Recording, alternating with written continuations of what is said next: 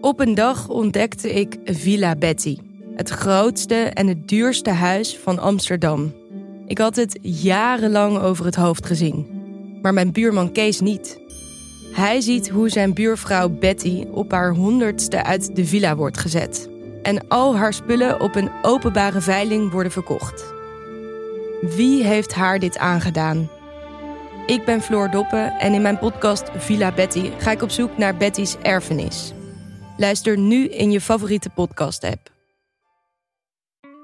In de podcast Radio Romano met Noortje Veldhuizen Met Marcel van Roosmalen. En met Roelof de Vries. brengen we alle drie elke week een zogenaamde signalering mee. Wat heb jij nou weer bij je? En aan het eind bepalen we wie de winnaar van de week is. Echt een angstcultuur Lege huls die je er bent? Ja, dat gaat eigenlijk altijd onvriendelijk. Luister nu naar Radio Romano bij Podimo. Via podimo.nl slash Radio Romano luister je 30 dagen gratis.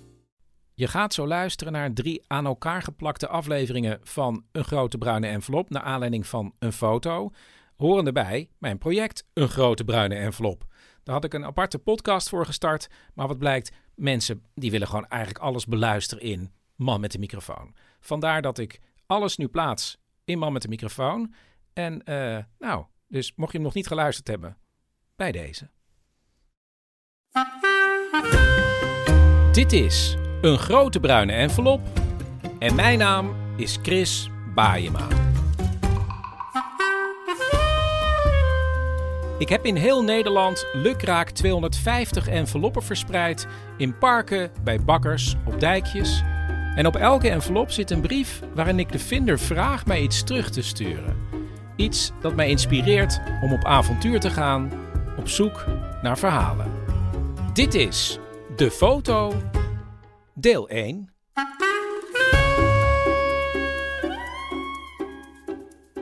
Envelop nummer 51 van de 250 werd achtergelaten bij een strandpaviljoen in Vlissingen, is gevonden en degene die de envelop aan mij heeft teruggestuurd heeft er een oude foto ingestopt. Eentje uit 1925. En dan krijg je een kartonnetje met daarin de foto en eromheen ook nog heel mooi gedrukt, of ja eigenlijk gestanst, heet dat ja, een paspartoutje. En op de foto, die in zwart-wit is, staat een groep mensen in wat ik denk een café is. Het zijn twintig mensen en ze vieren een feestje, want achterop staat ook dat de foto is gemaakt ter herinnering aan het tienjarig bestaan van loterijvereniging Fortuna, 2 oktober 1925. En de foto is gemaakt, want er staat een stempel achterop, door D.P. Cornelissen, een fotograaf uit Middelburg. Ehm, ja, het rare is, de foto is met een enorme flitser gemaakt. Want eh, linksvoor staat iemand veel te veel in het licht. Maar er hangen slingers. De mensen hebben eh, bloemen op. En eh, het zijn 20 mensen in totaal. 16 mannen en 4 vrouwen. Ja, en ik dacht, ja, wie zijn die mensen op deze foto en waar is hij gemaakt? Dus toen dacht ik, ja, het handigst is natuurlijk om even te bellen met degene die mij die foto heeft toegestuurd. En dat was Peet uit Middelburg. Goedenavond, met Peet. Hey Peet, je spreekt met Chris. Goedenavond. Goedenavond. Ja, ik moet even lachen, sorry. Waarom moet je lachen? ik had het helemaal niet verwacht. Oh, Ik heb eh, eigenlijk eh, misschien een anderhalve maand op die telefoon. oh wacht, ik kan je heel slecht, ik kan je, ik kan je heel slecht verstaan. Oh, ik ga even terug naar eh buiten, ongeveer. Ja. Ik zeg, ik, ga, ik zat ongeveer anderhalve maand op mijn telefoon te kijken. En gisteravond kijk ik een keer. Ik denk, hé, wat zie ik nou? En toen, eh, toen viel het kwartje pas van, joh, eh, ik heb een mailtje teruggekregen. Ik vind het apart. Ja. Nou, maar ik was zeer geïntrigeerd door die foto die jij stuurde. Want hoe kom jij daar weer aan? Nou, ik zal je vertellen dat wij... eh, nou ja, goed, mijn spullen staan hier natuurlijk... Dit kan ik ook niet goed verstaan hoor. Maar hij had een foto op zolder gevonden en vroeg aan zijn vriendin of zij wist van wie die was. Die foto is- Die werd heel stil, en die wist het niet. Ik zei, nou, ik weet het ook niet. En uiteindelijk lag die foto eh, waar ik normaal zit. Ik denk, nou, dat is het. die moet ik in die envelop bouwen. Daar, daar kom ik erachter van waar die foto vandaan komt. Dus vandaar. En ik kan je er voor de rest niet veel over vertellen. Ik weet dat er Fortuna of zo achterop staat. Ja, een loterijvereniging Fortuna. Ja, zoiets. En volgens mij is dat in het oosten van het land of zo. Nee, nee, nee, nee, want er, nee, er staat dat die foto is genomen door iemand in Middelburg. Een fotograaf uit Middelburg. Nou, ik kan nagaan hoe goed ik hem gekeken heb. Eh, niet echt dus. Nu Peet niet weet wie er op de foto staan en waar die genomen is, zoek ik hulp bij de Provinciaal Zeeuwse Courant. Die hebben namelijk een rubriek Lezers helpen lezers. En daar verschijnt een foto met een oproep of ja, iemand mij verder kan helpen. En ook is er een site eh, van ja, mensen in Middelburg. Wij zijn de stad, daar verschijnt een foto. En ook eh, op de site Middelburg Dronk. Vol geschiedenis over cafés die ooit in Middelburg zijn geweest. En via alle kanalen komt er helemaal niks binnen. Niemand weet wie die mensen zijn en waar de foto gemaakt is. En dan besluit ik zelf heel goed naar de foto te kijken en in te zoomen op details. En dan blijkt, als je naar die details kijkt, dat er allerlei verhalen bovenkomen die mij iets leren over de geschiedenis. En voor ik het weet, zit ik een dag in het Zeeuws archief. Loop ik met een historicus door het centrum van Middelburg om meer te weten te komen over Zeeuwse chocolade. Maar ik ga ook op bezoek bij klederdracht-experts. En ik bel met iemand die alles weet over Nederlandse lucifers. En ik lees een studie waarin wordt ingegaan op de historische betekenis van de Hongaarse snor. Ja, en je hoort het al aan de muziek. Er is van alles losgewoeld in de geschiedenis aan verhalen. Eh, ik weet wat jazz was in Middelburg in 1925. En ja, wat het inhoudt om lid te worden van zo'n loterijvereniging op de foto. En dan kan je zelfs vertellen of die foto wel gemaakt is door een goede fotograaf. Die DP Cornelissen. Maar allereerst heb ik voor jullie, voordat we beginnen aan deel 2 en deel 3, dat zijn de geschiedenisafleveringen, heb ik eerst voor jullie een amuse. In verband met die loterijvereniging. Met daarin het verhaal van Marco en de Euro-loterij. En daarna hoor je Bert, de vaste medewerker, die ook schrijver is. En schrijft over. Nou, dat komt zo wel. Eerst hoor je Marco.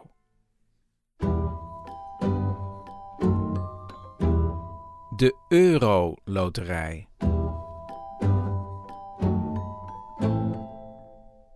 Nou, de, de Euroloterij, zeg maar, daar heb ik eens aan meegedaan. In 2019 was daarom had ik de, die andere twee mailtjes ook naar, naar jou gestuurd. Met dat het geen lulverhaal was.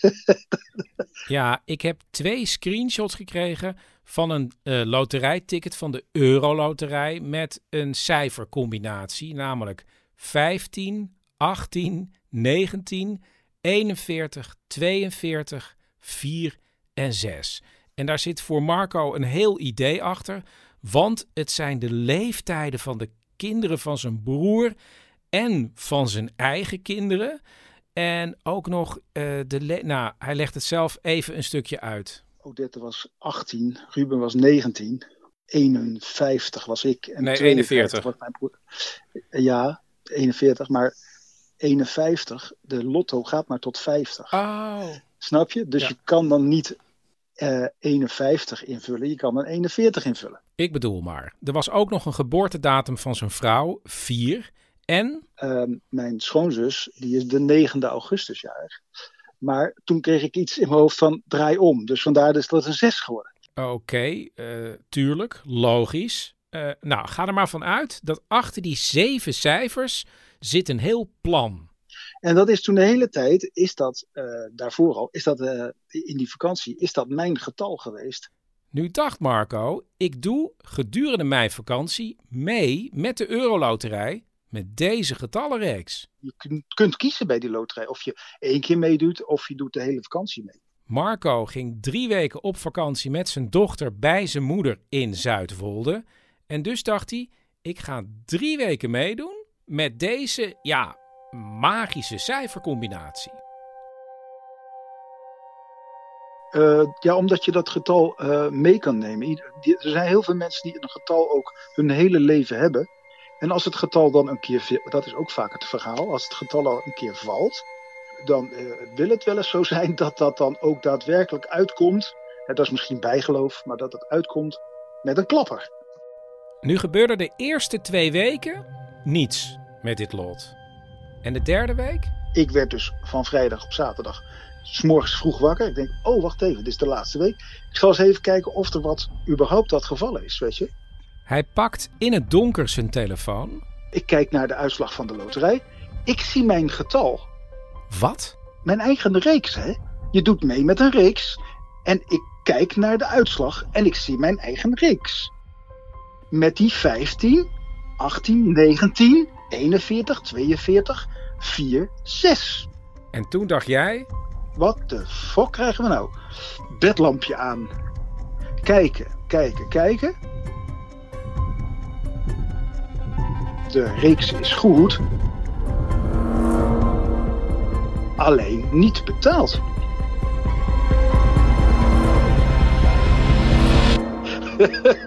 en dan ga je door de grond. Toen ik het invulde, werd ik ook afge, uh, leid door mijn moeder, die riep me naar beneden. En toen had ik gezegd, verzon, verzonden, ja, doe maar wel, hup, hup, hup. En ik heb er helemaal niet meer gekeken hoeveel er afgeschreven was. Dat was maar 2 euro. Hè, maar je hebt uh, uh, maar één week meegedaan in plaats van drie. Ja, en dan denk je dat je de lotto hebt, maar dat heb je hem niet. Ja, toen zei mijn moeder zei ook van, ja, helaas pindakaas. je, je kunt niet alles hebben in het leven. je kunt niet alles hebben. En dat alles was in dit geval de helft van de hoofdprijs. Want iemand in Zweden had ook de juiste cijfercombinatie. Nou ja, Marco had een bedrag moeten delen van 90 miljoen euro. Maar er is ook nog wel een ander leuk verhaal van die moeder die helaas pindakaas zei. Want die was een paar jaar daarvoor verhuisd. Toen zei ik, mam, dan moet je een postcode loterijtje, uh, loterijloodje doen, hè? Oh ja, dat zullen we nog eens doen. Oh ja, dat is, ja, je voelt het al, hè? Mijn moeder, die had geen loten.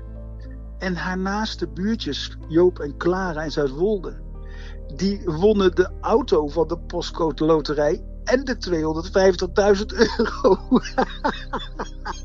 Naast haar. Het runs in the family. Ja, juist. Ja, het zit gewoon in de familie, denk ik, eh, Chris. Ik denk dat dat het is. Het zit gewoon in de familie. Het is bizar, maar het is ook niet een. Je, het voelt niet voor jou als een nachtmerrie. Nee, nee. Het, het, het ernstigste is gewoon dat je getal, je magische getal, is gewoon weg. Dat, dat gevoel is, is wel raar. Zeker omdat je dan daarna denkt van oké, ik ga toch nog eens een keer een getal verzinnen. Maar dat lukt dan niet meer. Want dat heeft niet diezelfde lading. Ja, maar Marco, je kan met dit getal nog een keer meedoen. Hè? De kans is even groot dat hij uh, valt. Nee, nee, nee, nee, nee. Want later. Jawel, de kans is even groot. Ja, de kans is inderdaad even groot. Maar voor mij niet. nee, nee.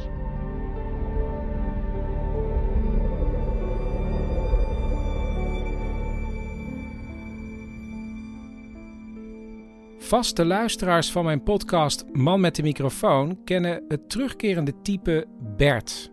Die wordt gespeeld door Bert Kommerij. En Bert Kommerij speelt niet alleen Bert, maar is ook schrijver. En nu wist ik dat hij telefonist is geweest op een bijzondere plek. En dus schreef hij voor mij de volgende bijdrage. De telefonist.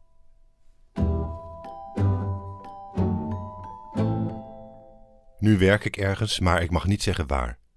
Ook mag ik niet zeggen wat ik doe. Ik heb een contract getekend voor 24 uur, verdeeld over een week met wisselende diensten. Ook in het weekend en soms zelfs nachts. Het is een groot bedrijf met wel 200 medewerkers. In mijn contract staat: werknemer laat zich op geen enkele manier uit over zijn werkzaamheden. Dat het om een loterij gaat, mag ik wel zeggen. Mensen bellen mij, maar weten niet wie ik ben. Ik zit op een beleiland. Het bedrijf heeft er zes. Het is nooit de bedoeling geweest dat ik op een beleiland terecht zou komen. Gesprekken worden opgenomen en kunnen gebruikt worden voor leerdoeleinden.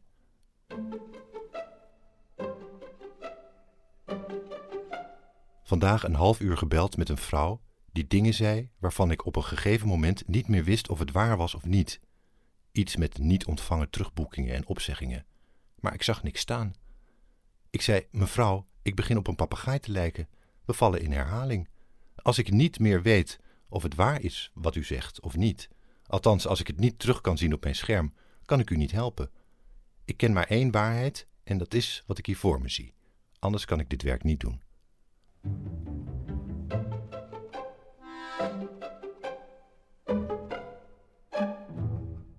Een vrouw praat zacht. Ze vraagt of ik haar kan helpen. Ze omschrijft haar situatie. Ze zit met 17 reclamefolders voor zich en vraagt zich af met hoeveel loten ze eigenlijk meespeelt. Ik tik haar gegevens in. Aan de andere kant is het stil. 13, zeg ik. Het staat duidelijk op mijn scherm. Ze zwijgt en zucht. Mevrouw, vraag ik voorzichtig, omdat ik bang ben dat er aan de andere kant van de lijn iets helemaal misgaat. Misschien is ze flauw gevallen. Ik kijk naar het adres. Rotterdam. 13, herhaalt ze en vraagt of ik er twaalf wil opheffen. Ik verwijder twaalf loten. Mijn man is beneden, fluistert ze. Hij ontvangt jullie reclamemateriaal en denkt dat we dan een prijs hebben gewonnen, wat niet waar is. Jullie verkopen het zo dat meedoen op winnen lijkt. Hij heeft Alzheimer, vandaar. Stop met jullie reclamepost. Maar waar bent u dan nu? Bent u thuis? Ja, zegt ze, ik zit op zolder. Hij mag niet weten dat ik bel.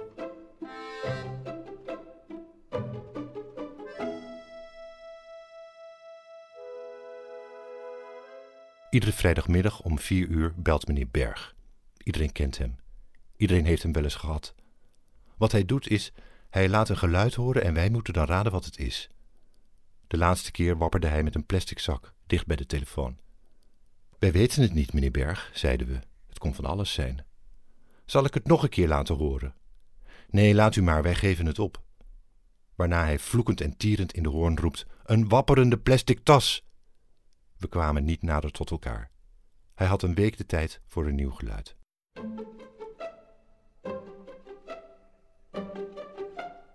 De eerste beller vandaag was een jonge vrouw met een huilende baby op de achtergrond. Ik bel omdat mijn buren gewonnen hebben, zei ze. Als dit nog eens gebeurt, dan ga ik verhuizen.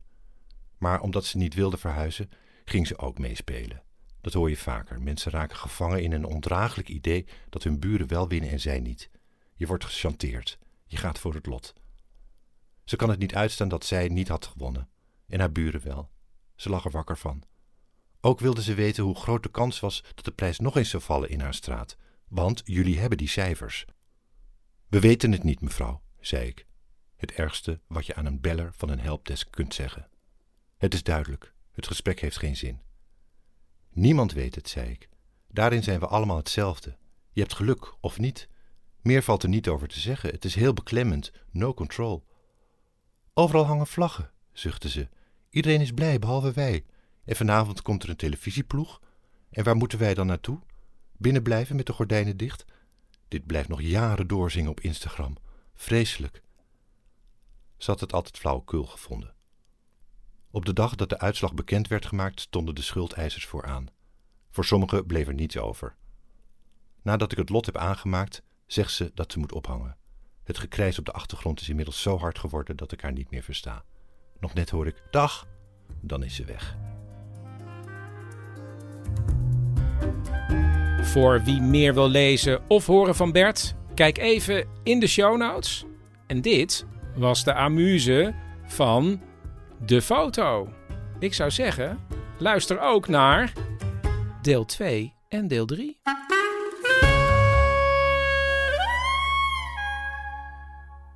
Maar heb je daar nooit over nagedacht? Van wat, wat, wat, van... wat heeft hem gebracht? Ik zit in je podcast.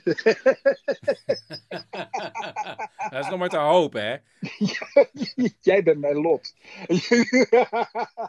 in tweevoud, hè? Dus jij bent mijn lot.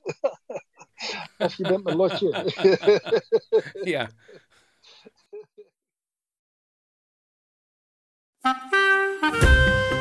Dit is een grote bruine envelop en mijn naam is Chris Baayema. Ik ben deze keer op pad met een foto uit 1925 met daarop een loterijvereniging getiteld Fortuna. En mocht je deel 1 nog niet hebben geluisterd, dat doe je dan eerst even. En nu gaan we verder met deel 2 en deel 3. En dat zijn de geschiedenisafleveringen.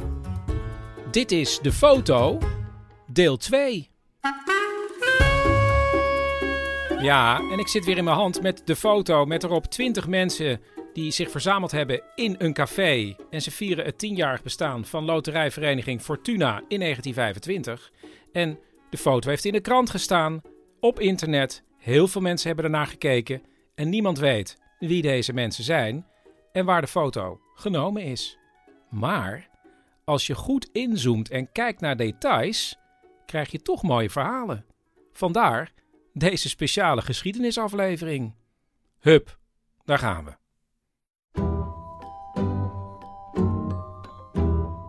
Loterijvereniging Fortuna.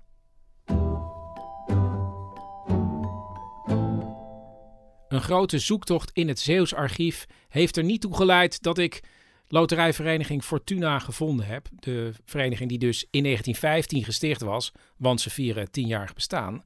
Maar ik heb wel een andere loterijvereniging Fortuna gevonden in de jaren 20 in Zeeland. Niet op Walcheren, maar op Schouwen-Duiveland en wel in Renesse.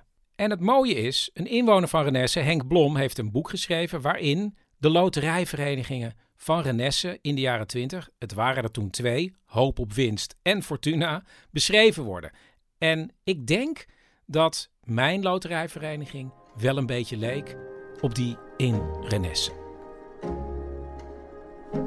Kijk, een loterijvereniging was natuurlijk een van de vele verenigingen in een dorp. En het zal waarschijnlijk ook wel zijn gegaan om gezelligheid. Maar in principe was het doel om met een groep mensen loten te kopen en dan de eventuele winst te delen. En om die winst nou een beetje hoog te houden, konden er per vereniging maar 20 mensen lid worden. Eerst had je uh, Hoop op Winst in 23 en daarna Fortuna in 29. En wat opvalt is dat heel veel leden van beide verenigingen lid waren. Het mooie van Henk Blom is, de schrijver, dat hij de beschikking heeft over de archieven van de verenigingen. En dan krijg je via de verslagen van de vergaderingen een heerlijk beeld. Want zo is er een penningmeester die ontslag neemt omdat heel veel mensen geen contributie betalen. En dat betekent dat de hele vereniging aan het gokken is met zijn geld. En dan is er ook nog uh, tijdens de jaarvergadering iemand die zegt: Oh, er is een lid net in het huwelijk getreden. Zullen we van ons budget een cadeautje kopen? Ja, dat is goed. Tijdens diezelfde vergadering zegt iemand: Ja, maar die zijn 25 jaar getrouwd. Krijgen ook een cadeautje.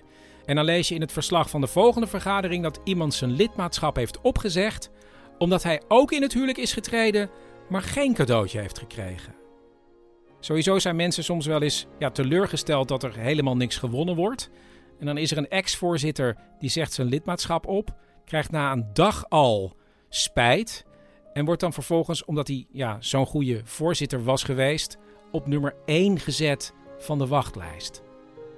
En dan was er ook nog de hele strenge voorzitter, die wilde dat elk jaar het hele bestuur aftrad en opnieuw werd gekozen. Maar dan werden ook exact dezelfde mensen weer opnieuw gekozen. Maar na een paar jaar werden dezelfde mensen gekozen, behalve de voorzitter. Uiteindelijk zijn beide verenigingen gefuseerd tot Hoop op Fortuin. En als je rekent vanaf het begin, 1923, tot het einde, in 1993, is er nooit een grote prijs gewonnen.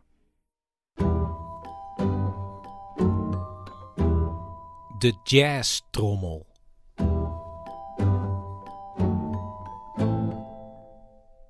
Ja. Dag Hans. Gaat het niet over jazz, hè?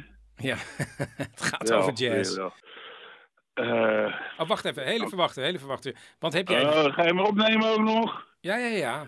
Uh, maar heb je wifi bijvoorbeeld? Hoe zit haar? Wat, wat ja, is goed. Hoe, heb jij wifi? Want ik bel tegenwoordig via WhatsApp, want het is veel helderder. Ja, doe maar wifi dan. Oké. Ik ga je zo even bellen dan. Oké, dan kan ik even een kopje koffie zetten. Gezellig. Oké, tot zo. Doeg. Hans is Hans Zerkzee, een jazzkenner. En uh, vaste luisteraars kennen Hans misschien van aflevering 10 van Man met de microfoon. Dat is heel lang geleden.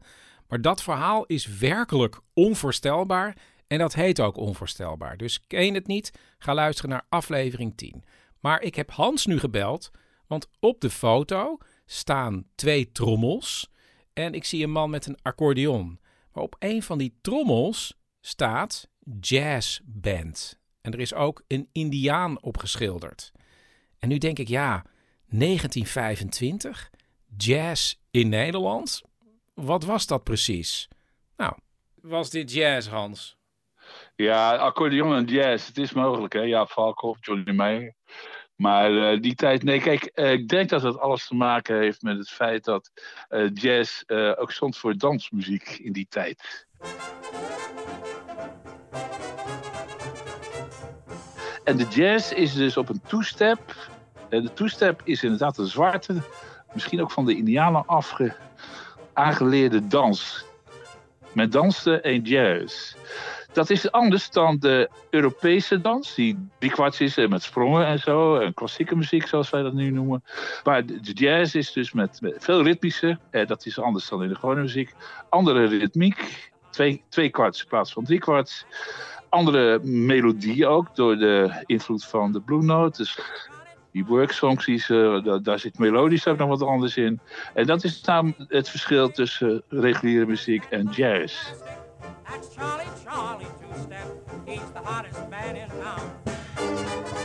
Hans is een wandelende encyclopedie als het gaat om jazz. Uh, en het enige nadeel is dat voor mij, eh, dat eigenlijk die hele encyclopedie in één keer, voor mijn gevoel dan, over me heen wordt gestort. Even terug naar New York, 1920. De Clef Club Orchestra's, een organisatie van zwarte muzici, waren mateloos populair. Ja, Hans neemt ook heel vaak even een zijpad. U heeft helemaal geen hi-hat. Hij zegt, een hi wat is dat? Ik zeg, nou, zo'n zo'n dubbel bekken met een pedaal. Oh, u bedoelt het Charleston pedaal. En ja, via jazz gaat het ook over de vrijheidsstrijd van de vrouw eh, bijvoorbeeld. ja, die, uh, men sprak schande van. er kan dus zelfs een damesfiets. En jazz staat niet alleen voor dans en muziek. De seksuele connotatie. Toen jazz around is overal je slurf hangen. Wacht, nog één keer, wacht. Wat, wat is het? Jazz? Toen jazz around is, jazz around is overal je slurf in hangen jazz als verbastering van jizz, sperma. Oh. Het fijne overigens van de opname van zo'n telefoongesprek is dat ik al die informatie nog eens een keer heel rustig kan beluisteren. Uh, en er is bijvoorbeeld één moment dat uh, Hans ook zegt: ja, zoek dat dan anders even verder uit. Want er is één belangrijke persoon uh, geweest voor de ontwikkeling en de verspreiding van de jazz over de wereld, over Europa vooral, vanuit Amerika. En die persoon was James Reese Europe, een zwarte Amerikaan uit Harlem. En hij zat bij een regiment dat vocht in Frankrijk in de Eerste Wereldoorlog met alleen maar zwarte soldaten. En dat is een heel beroemd regiment geworden, want het was het meest succesvolle regiment. Ze werden de Harlem Hellfighters genoemd. Maar ze hadden ook hun eigen band meegenomen. En daar was James Reese Europe de bandleider van. En ze speelden heel veel ook voor de Fransen. De muziek die ze hadden meegenomen uit Amerika. Nou, de Memphis Blues, de work songs, ragtime.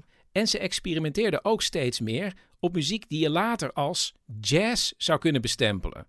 Nu was die band in Frankrijk zo populair dat ze een hele tour gingen maken. En zo verspreidde die muziek zich uiteindelijk ook over Europa.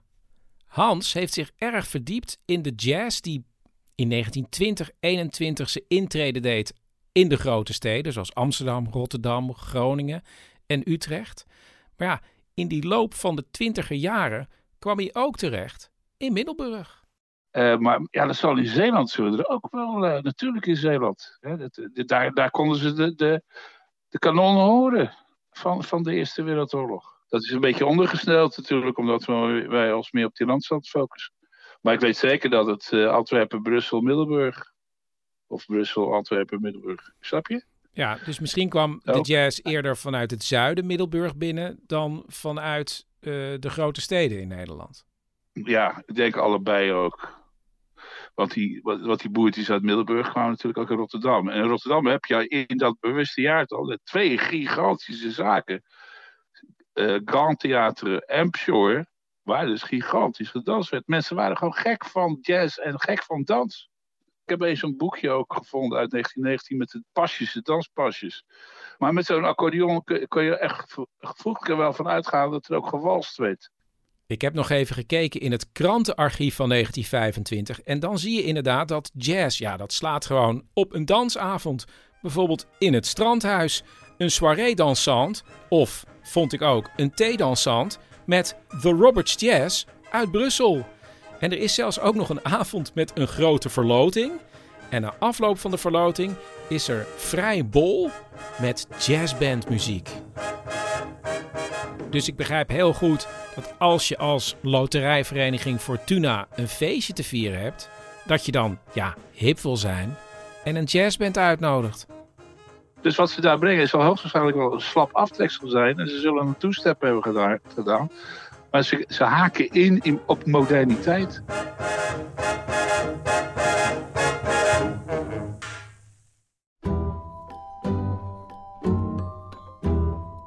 Zeeuwse chocolade. Ik heb heel lang lopen staren naar het raam achter de mensen, want misschien staat er een cafénaam op. Maar nee, hoe goed ik ook kijk, ik zie geen letters. Ik zie wel onderaan het raam, ja, is het een sticker of een plaatje? Daar zie ik wel iets staan. En als ik inzoom, dan zie ik dat er staat Korfs Cacao. K-O-R-F-F apostrof S. En als het goed is, hebben we nu contact met, uh, met Chris, toch? Uh, Chris, ben je daar? Chris? Ja. Ah, kun je mij verstaan? Ja, ik kan je horen. En waar ben je? Uh, bij de brandweerkazerne. Oh, dat is vlakbij. Dat klopt, ja. Tussen de Amstel en het Amstelstation. En, en waarom? Nou, omdat hier, waar nu de brandweerkazerne staat... Ja? daar stond vroeger Korfs cacaofabriek. Oh. Van de cacao met de slogan: Kenners kiezen Korf. En ze hadden chocola. Ja, uh, ze hadden chocolaatjes uh, in de vorm van kleine bijenkorfjes. Maar er is nu geen fabriek meer, toch? Nee, die is in 1981 uh, verdwenen en het, ja, het is overgenomen door een Amerikaans bedrijf. Ja, maar het was wel ooit echt iets Amsterdams. Ja, dat klopt. In 1811 is Frederik Korf, een specerijhandelaar, die is een chocoladewinkel begonnen in Amsterdam. En die liet ook zijn cacaobonen malen door een molen aan de Sparendammerdijk hier. Ja, ja toch jammer dat het niet van die chocolade... Ja, maar weet je wat het bijzondere is? Oh, ja? Die cacao, die werd aan de man gebracht met het kenmerk Zeeuwse chocolade. Dus dat was waarschijnlijk heel erg goed. Maar en waar kwam die precies vandaan? Die kwam uit Middelburg. Oh. Dus, Chris, ik zou zeggen, ja, neem het vanaf hier maar weer over met een voice-over. ja, en dan is dit dus uh, de voice-over. Want ja, we zijn weer terug in Middelburg, omdat ik iets wil weten over Zeeuwse chocolade. En daarom ben ik naar Middelburg gegaan en ik heb daar een afspraak gemaakt met historicus en oud-stadsarchivaris van Middelburg, Peter Seinke. En we hebben afgesproken op de markt voor het oude stadhuis. En ik heb mijn recorder al aangezet. Ja, ik weet niet precies hoe die eruit ziet, maar ik wacht gewoon totdat er iemand op me afkomt. Ja, hallo. Ik neem meteen op. Hoi. Hoi. Ik ben Chris. Oh, je hebt de foto. Oh. Ja, ik heb de foto bij me. Ik zit er net, net zelf naar te turen. Kijk, dit is de foto. Mhm. En hier achter op het raam, ik dacht dat er eerst kerf, Mhm. kerfs stond. Maar je kof had je ervan gemaakt. Ja, eh. korfs. En dat is dus een cacao-merk. Ja, dat is grappig. Gek genoeg hadden die een eh, fabriek vlak bij mij om de hoek in Amsterdam. Ja. Maar die maakte dus reclame met Zeeuwse cho- chocola. Want de Zeeuwse chocola, dat was de meest beroemde chocola. Zeeuwse chocolaat. En dat ging met A's. Hoe meer A'tjes, hoe beter die chocola. Dus 1 A was het slechtst en 5 A's, dat was de top. En Zeeuwse chocola was 5 A's? Vijf, vijf A'tjes waard, ja, ja, in die tijd. Ja, in de 19e eeuw was overigens Amsterdam al belangrijker als, eh, als chocoladeproducent dan Zeeland. In de 18e eeuw is het eigenlijk anders. En toen waren er een heleboel chocolademolens hier. Eigenlijk begin 19e eeuw ook nog. En cacaomolens moet je eigenlijk zeggen. Dat zijn mini-chocoladefabriekjes. Er zijn er nog te vinden. Hoewel, je moet het weten. Want aan de buitenkant zie je dat eigenlijk niet. Maar eh, Johan Frank en ik hebben een, uh, een, stadswandeling gemaakt in de tijd. En die heet Cacao, Suiker en Slaven. Uh, dat hangt allemaal met elkaar samen. Want Zeeland was een tijdje lang eigenaar van Suriname. Het was een Zeeuwse in de 18e eeuw, 17e, 18e eeuw een Zeeuwse kolonie een aantal jaren geweest. Later dan Amsterdam, ook dat over.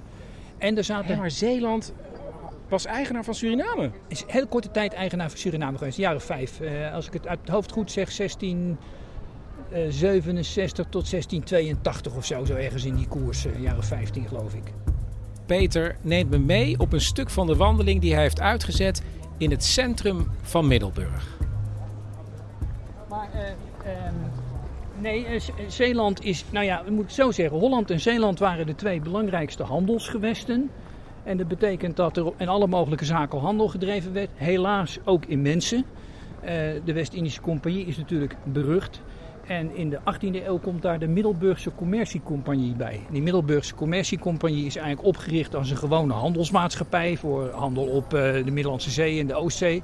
Maar die zijn zich na 1730 zijn ze zich toe gaan leggen op slavenhandel. En die voeren dus met spiegeltjes en kraaltjes, zeggen we dan altijd. In werkelijkheid waren het geweren, fluweel, uh, allerlei andere artikelen, buskruid enzovoorts, voeren ze naar uh, West-Afrika. En dan ruilden ze die goederen tegen mensen, tegen tot slaafgemaakten die aan boord geladen werden van die Middelburgse schepen en naar, uh, naar de Amerika's vervoerd werden, Curaçao, Suriname enzovoorts. Die werden te werk gesteld op plantages. Die waren ook vaak in het bezit van zeeuwen, want die hadden daar behoorlijke belangen in, in dat gebied. En daar werd onder andere die cacao verbouwd. Maar is het niet zo dat de West-Indische Compagnie gewoon Hollands was? Uh, nee, de West-Indische Compagnie had net als de Oost-Indische Compagnie een aantal kantoren, kamers.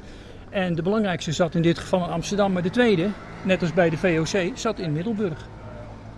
Dus de Zeeuwen en de Hollanders werkten nauw samen, ook op dit gebied. Maar was Middelburg dan, zal maar zeggen, na Amsterdam een van de belangrijkste steden in die, de, in die tijd? De belangrijkste. Echt? Ja, ja, ja.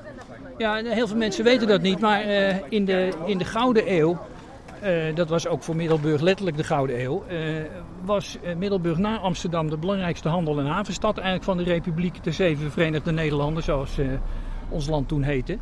En Holland en Zeeland, ja, en Amsterdam en Middelburg, dat waren belangrijke plaatsen.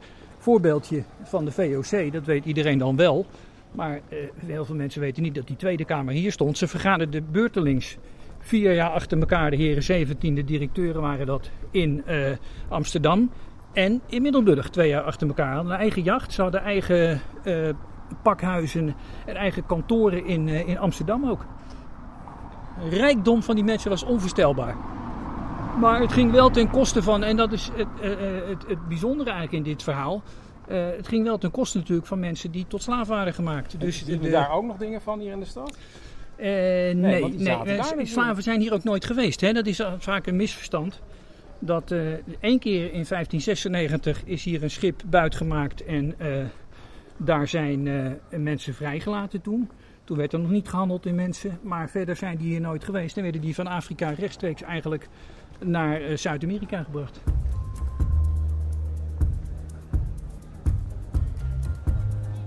We staan nu voor een ja, als je, als je de stad eromheen weglaat, dan is het gewoon een, landhuis. Ja, dan is het inderdaad een buitenhuis. Zo ziet het er ook uit. En dat was het in feite ook, want uh, in, het, is, het is een stadspaleis. Dit is gebouwd door uh, uh, Van Bouwerscheid, dat is een Antwerpse architect. En die bouwde dat in opdracht van meneer Van de Perre en zijn echtgenote. Zij was een Van de Branden en de Van de Branders waren schathemelrijk. Dat zou je misschien wel miljardairs kunnen noemen naar de huidige maatstaven gerekend. En die mensen verdienden hun geld dus allemaal in de handel. De handel op Oost-Indië, de handel op West-Indië. Uh, nou, soms was dat niet bepaald naar onze maatstaven gemeten kosherhandel natuurlijk, maar ze werden heel erg rijk. Hier woonden ze met z'n tweeën. In dit gigantische huis. Die mensen hadden geen kinderen. En daar woonden ze alleen maar in de winter, want dit is het stadspaleis. In de zomer woonden ze op hun buitenverblijf. Ze hadden twee buitenverblijven op Walcheren. Twee kasteeltjes eigenlijk waar ze dan ook nog terecht uh, konden.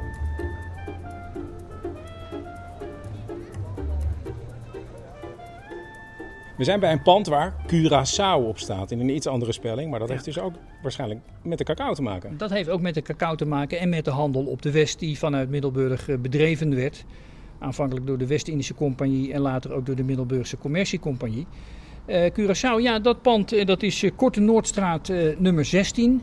En daar is een cacaomolen in gevestigd geweest. En dan denken mensen vaak molen. Maar hoe kan dat nou? Ja, ik zei al meteen, zijn het wieken of was het een watermolen? Zitten, zitten daar wieken in, in de stad, in een, in een rij huizen, want het is gewoon een compact rijtje huizen. Uh, nee, dat was een, uh, een, een zogenaamde rosmolen. Daar was een grote platte molensteen en die werd door een paard aangedreven. En uh, daarmee werden die cacaoboontjes vermalen. Um, het is een heel procedé, dat maken van, van die chocola in die tijd. Want die cacaobonen die worden eerst gebrand, dan worden ze gebroken. Dan worden ze gemalen. Dan worden ze tot een soort pap gemaakt. Ze voegen de kruiden en andere zaken aan toe. En als dat dan gesmolten is, dan laten ze het stollen in, uh, in een soort mallen. En dan is die chocola klaar. En al naar gelang uh, de waarde van de chocola, de, de, de, de dikheid, de vetheid, de, de, de, de, goede vorm van chocola, gaven ze er een aatje aan. En dat liep van 1 tot 5 a's. En als je 5 a's had, nou, dan was je top. Dat was de beste chocola. En de Zeeuwse chocola stond bekend als de beste chocola van Nederland in die tijd. En die werd dus hier... Maar waar, waar gingen die A's dan precies over? over... Uh, het is gewoon een, een, net een sterretje of een bolletje in de Volkskrant of in de NRC krijgen. Maar er waren dus ke kenners die gingen proeven en die zeiden, die zeiden dit, is de beste. Dit, is de top chocola. Ja, ja en dat, daar werd ook mee geadverteerd. Hè? Want kijk, uh, je hebt, uh, ik heb hier een boekje waar, waar een plaatje in staat van een wikkel die om die chocola heen zat. En er staan dan vijf aatjes op. En het wapen van Zeeland eronder, Zeeuwse met SCH chocolaat. Nou, dat was de, het summum van chocola. Het gekke is eigenlijk dat, uh, of het gekke, uh, uh, het is een feit dat in, in, in, in de 18e eeuw en begin van de 19e eeuw die Zeeuwse chocola heel beroemd was. Het was top chocola die je kon krijgen. Alleen ik denk dat wij het helemaal niet lekker gevonden zouden hebben. Het was heel vet en het was ook heel bitter, vrij scherp van smaak. Net als pure chocola zeg maar, maar dan nog iets, iets sterker. Uh, en ze gebruikten het uh, als ingrediënt in de keuken. Ze maakten er ook drankjes van en dat soort uh, zaken. Of je dat nou zo los als stukje chocola moest eten, dat weet ik eigenlijk niet.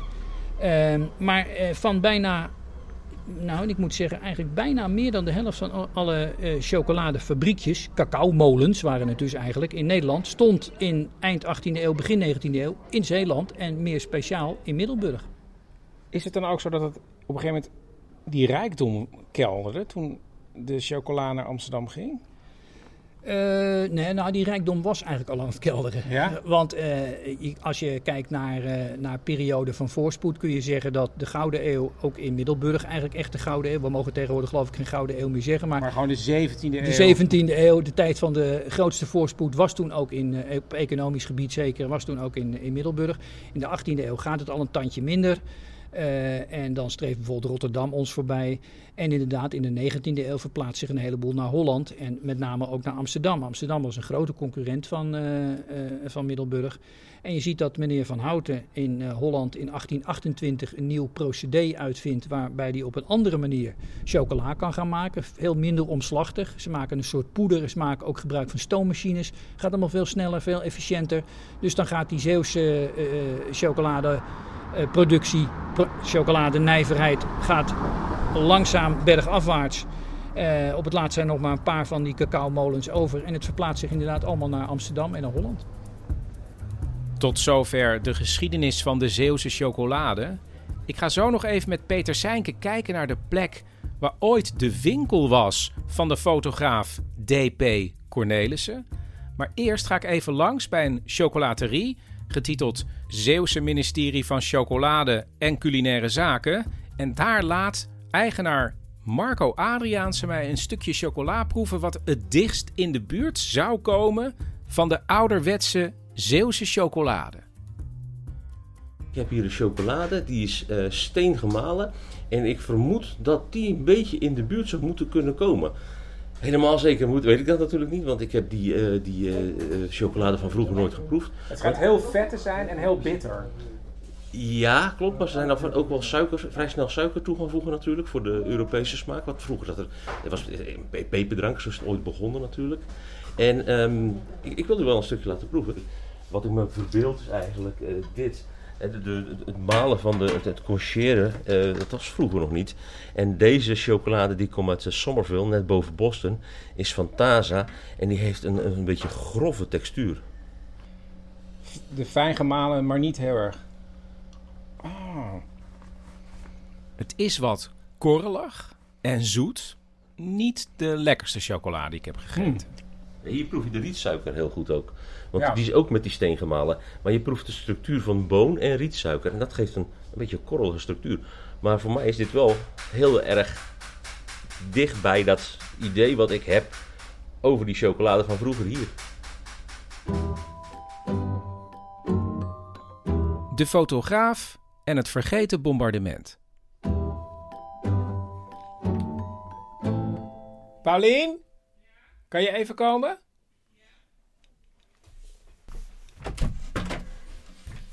Ik ben aan het opnemen. Oh, ja. Want ik ga het nu over die fotograaf hebben, die D.P. Cornelissen. Mm ja, want je moet even zeggen hoe het met jou zit in Cornelissen. Want iedereen begint meteen bij mij van... Oh, Cornelissen, Cornelissen. Dat is een echte Zeeuwse naam. Ja, dat hoor ik dus ook heel vaak. Zelf heet ik dan niet D.P. Cornelissen, maar gewoon P. Cornelissen. Nou, ja, dat het is in mijn geval niet zo. Ik, mijn familie komt niet uit Zeeland. Maar ik moet heel vaak in, in Zeeland mensen ervan overtuigen dat ik niet Zeeuws ben. Oké, maar dit is even uit de wereld. Eh, en ook je voorvaderen dus komen niet Nee, die komen volgens mij, die tak van de, zeg maar de Cornelissen tak, volgens mij uit de omgeving Nijmegen of zo. Klompenmakers of Culemborg. Nou ja, in ieder geval sowieso niet Zeeland. Helaas, helaas. Ja, nee, oké. Maar dan kan ik nu gewoon rustig verder. Het zit toch bij die mensen achter in het hoofd. hoofd van, ja. hoezo is gewoon de opa. Nee. Nee, is niet waar. Oké, ik ga terug naar de fotograaf. In het Zeeuws archief heb ik uitgevonden dat D.P. Cornelissen leefde van 1901 tot 1970. En ergens in de jaren 80 is er op een zolder een hoeveelheid glasnegatieven ontdekt van deze fotograaf. En die zijn allemaal terechtgekomen in het archief. En die kan je ook online bekijken. En dat zijn ja, heel veel foto's die Cornelissen gemaakt heeft. Laten we zeggen tot eind jaren 40. Vooral natuurlijk van Walcheren. Ja, je ziet boerderijen, de schepen in de haven van Vlissingen. Maar ook bijvoorbeeld het kapotgeschoten centrum van Middelburg. En ondergelopen straten in Middelburg. En dan denk je, 1953. Maar nee, dat was aan het eind van de oorlog toen de geallieerden de dijken hebben gebombardeerd, zodat een groot stuk van Walcheren onder water liep om de Duitsers dwars te zitten. En ik loop nu met Peter Seinke naar een belangrijke plek van de fotograaf. Ta -ta -ta. We staan om de hoek van de Korte Delft, want daar is, ja, daar, daar, daar zijn ze nu heel erg aan het eh, bouwen eh, aan de straat. Uh, dus we hebben afstand genomen van het geluid. Maar daar is, uh, het winkeltje was daar van ja. DP Cornelis, de fotograaf. Ja, precies. Uh, Cornelissen was een bekende Middelburgse fotograaf. Heeft ook een hoop puinhopen, eh, zeg maar, na 17 mei gefotografeerd. Ik moet dat misschien even uitleggen. Iedereen weet van het bombardement op Rotterdam. Uh, op 14 mei 1940. En Nederland gaf zich daarna eigenlijk meteen over. 15 mei was de officiële capitulatie. Behalve de provincie Zeeland en de marine. En waarom? In Zeeland waren op grond van vooroorlogse verdragen waren Franse troepen aanwezig. Die waren het begin van de oorlog meteen eh, bij de uitbraak eh, van de Tweede Wereldoorlog waren hier naartoe gekomen.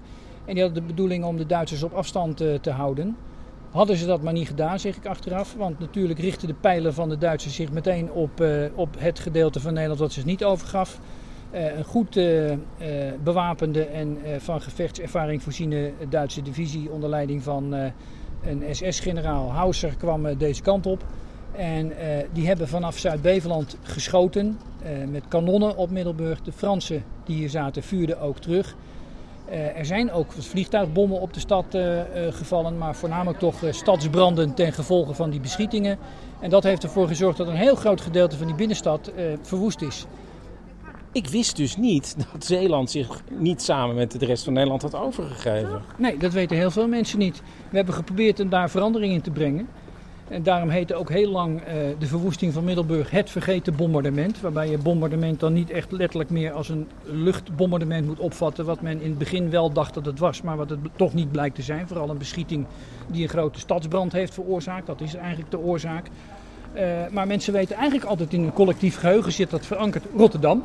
Ja. Plat, boem, kapot. Maar dat Middelburg ook zo getroffen is, komt ook omdat er niet veel slachtoffers waren. Wel heel veel materiële schade, maar er waren maar rond 20, 22 mensen omgekomen. Want de burgemeester van Walrede Borders, die had die strijd aanzien komen. Die zei, mensen, heb je hier niks te zoeken, ga weg, verlaat de stad.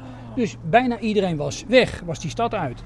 En wanneer heb- heeft Zeeland zich dan alsnog overgegeven?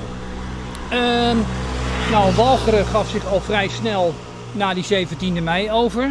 Maar de strijd in Zeeuws-Vlaanderen heeft nog tot eind mei geduurd. Dus eh, voordat die Fransen weg waren van eh, Nederlandse bodem en voordat heel Nederland tot het laatste stukje zich had overgegeven, dan zit er wel ergens eind mei. Eh, heel veel mensen weten het niet. Dus twee weken langer dan. Ja, dan de rest van Nederland. Voordat ik afscheid van hem neem, laat Peter Seinke nog even de herstelde binnenstad van Middelburg zien. Kijk, want je- dit is allemaal, dit is allemaal wederopbouw. Want daar is plein 1940, nou de naam zegt het al, ontstaan in 1940. En eh, dit is allemaal na 40 weer herbouwd. Maar als je zo, eh, zeker een beetje door je oogharen kijkt en je kijkt zo rond, dan denk je, verrekt, dat is gewoon een oude stad.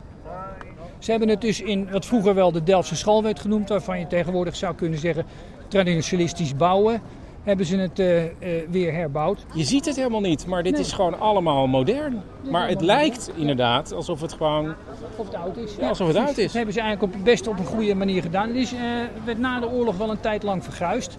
Men vond het eigenlijk maar niks. Pieter Peuterig, popperig herbouw. Maar tegenwoordig wordt dat toch wel weer gewaardeerd. Want het heeft wel een, ja, het heeft een hele eigen uitstraling gekregen. Die past bij de sfeer van zo'n oude stad. Want daarmee is de oude stad als geheel eigenlijk wel in sfeer bewaard gebleven. Ja. Als je kijkt naar wat er verwoest is, eh, zo'n 600 panden zo'n beetje. Dat is echt veel door die grote stadsbranden in 1940. Eh, is er toch ook nog heel veel bewaard gebleven. Want we hebben zo'n 1200 monumenten. Dus dat is best veel voor een relatief kleine stad.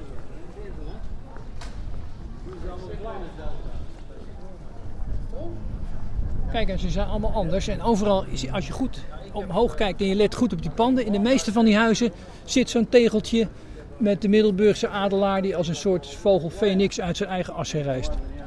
Met daaronder 1940 ook. 1940 en, en vlammetjes inderdaad. Dus de grote brand, branden van 1940, die hebben ervoor gezorgd dat er weer nieuwe panden gebouwd zijn. En dat is hier zo gebeurd op deze manier.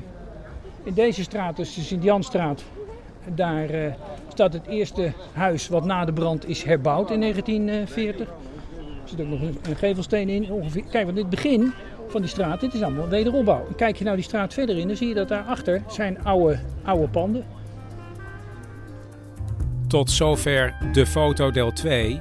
Ik zou zeggen, ga snel luisteren. Ja, of, of spaar hem op. Nou, ik zou snel gaan luisteren naar deel 3. Met daarin mutsen, lucifers, meer over DP Cornelissen en alles over de Hongaarse snor.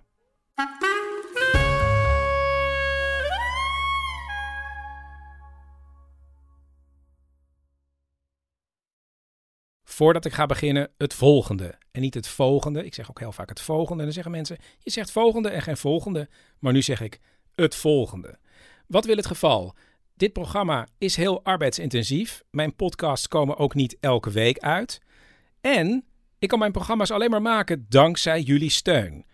Word dus lid van Man met de microfoon. Ga naar petje.af slash man met de microfoon en word al lid vanaf 3 euro per maand. En ik hou het kort. Ga naar petje.af slash man met de microfoon.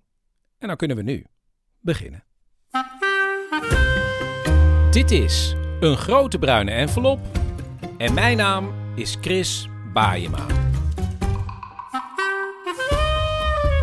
En ik ben deze keer op avontuur met een foto uit 1925 van een groep mensen die vieren een feestje in een café. En niemand weet wie deze mensen zijn en waar het café is. Maar als je inzoomt op details in de foto, vind je vanzelf mooie verhalen over de geschiedenis. Dit is de foto, deel 3.